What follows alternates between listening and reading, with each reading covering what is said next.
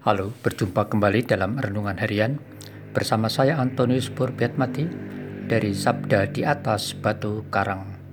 Saudara-saudari yang terkasih, hari ini Sabtu tanggal 28 Mei adalah hari biasa Paskah pekan ke-6. Hari ini gereja memperingati Beata Margarita Pol, seorang martir, Santo Wilhelmus, seorang biarawan, Santo Bernardus dari Montauk, seorang imam, dan Santo Germanus dari Paris, seorang pengaku iman. Renungan kita hari ini terinspirasi dari bacaan kitab suci. Bacaan pertama diambil dari kisah para rasul, pasal 18 ayat 23 sampai dengan 28, dan bacaan Injil suci dari Injil Yohanes, pasal 16 ayat 23b sampai dengan 28. Mari kita siapkan hati kita untuk mendengarkan sabda Tuhan yang akan dibacakan oleh Saudari Monica Rosa dari Paroki Kristus Raja Katedral Keuskupan Tanjung Karang. Dalam amanat perpisahannya, Yesus berkata kepada murid-muridnya, Aku berkata kepadamu, sesungguhnya Segala sesuatu yang kamu minta kepada Bapa akan diberikannya kepadamu dalam namaku. Sampai sekarang, kamu belum meminta sesuatu pun dalam namaku. Mintalah, maka kamu akan menerima, supaya penuhlah sukacitamu.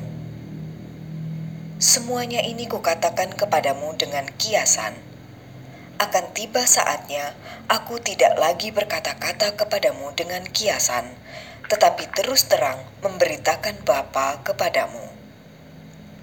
Pada hari itu, kamu akan berdoa dalam namaku, dan tidak kukatakan kepadamu bahwa aku meminta bagimu untuk Bapa. Sebab Bapa sendiri mengasihi kamu, karena kamu telah mengasihi aku dan percaya bahwa aku datang dari Allah.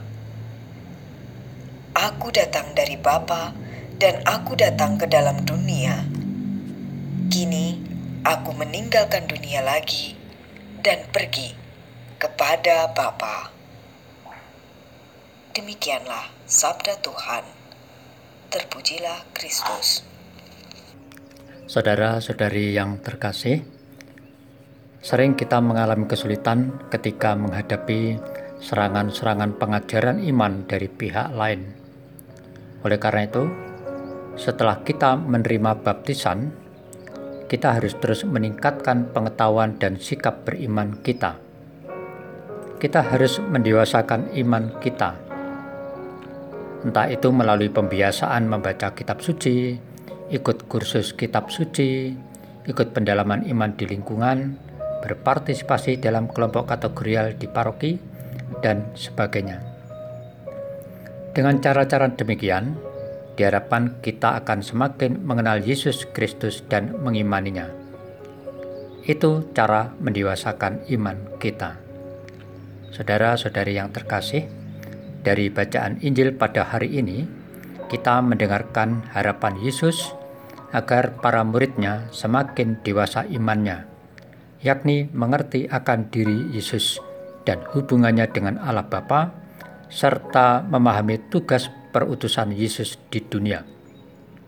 Yesus juga mengatakan kepada mereka bahwa jika ia nanti telah menyelesaikan tugas perutusannya di dunia, ia akan kembali lagi kepada Allah Bapa.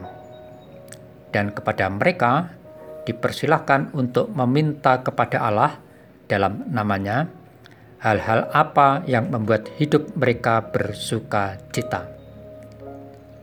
Kalau sekarang Yesus mengatakan hal itu kepada kita, apa yang hendak kita minta kepadanya?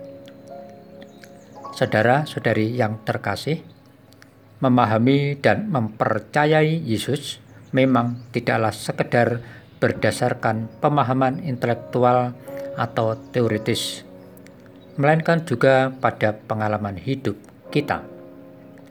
Yang semuanya itu dilandasi akan sabdanya.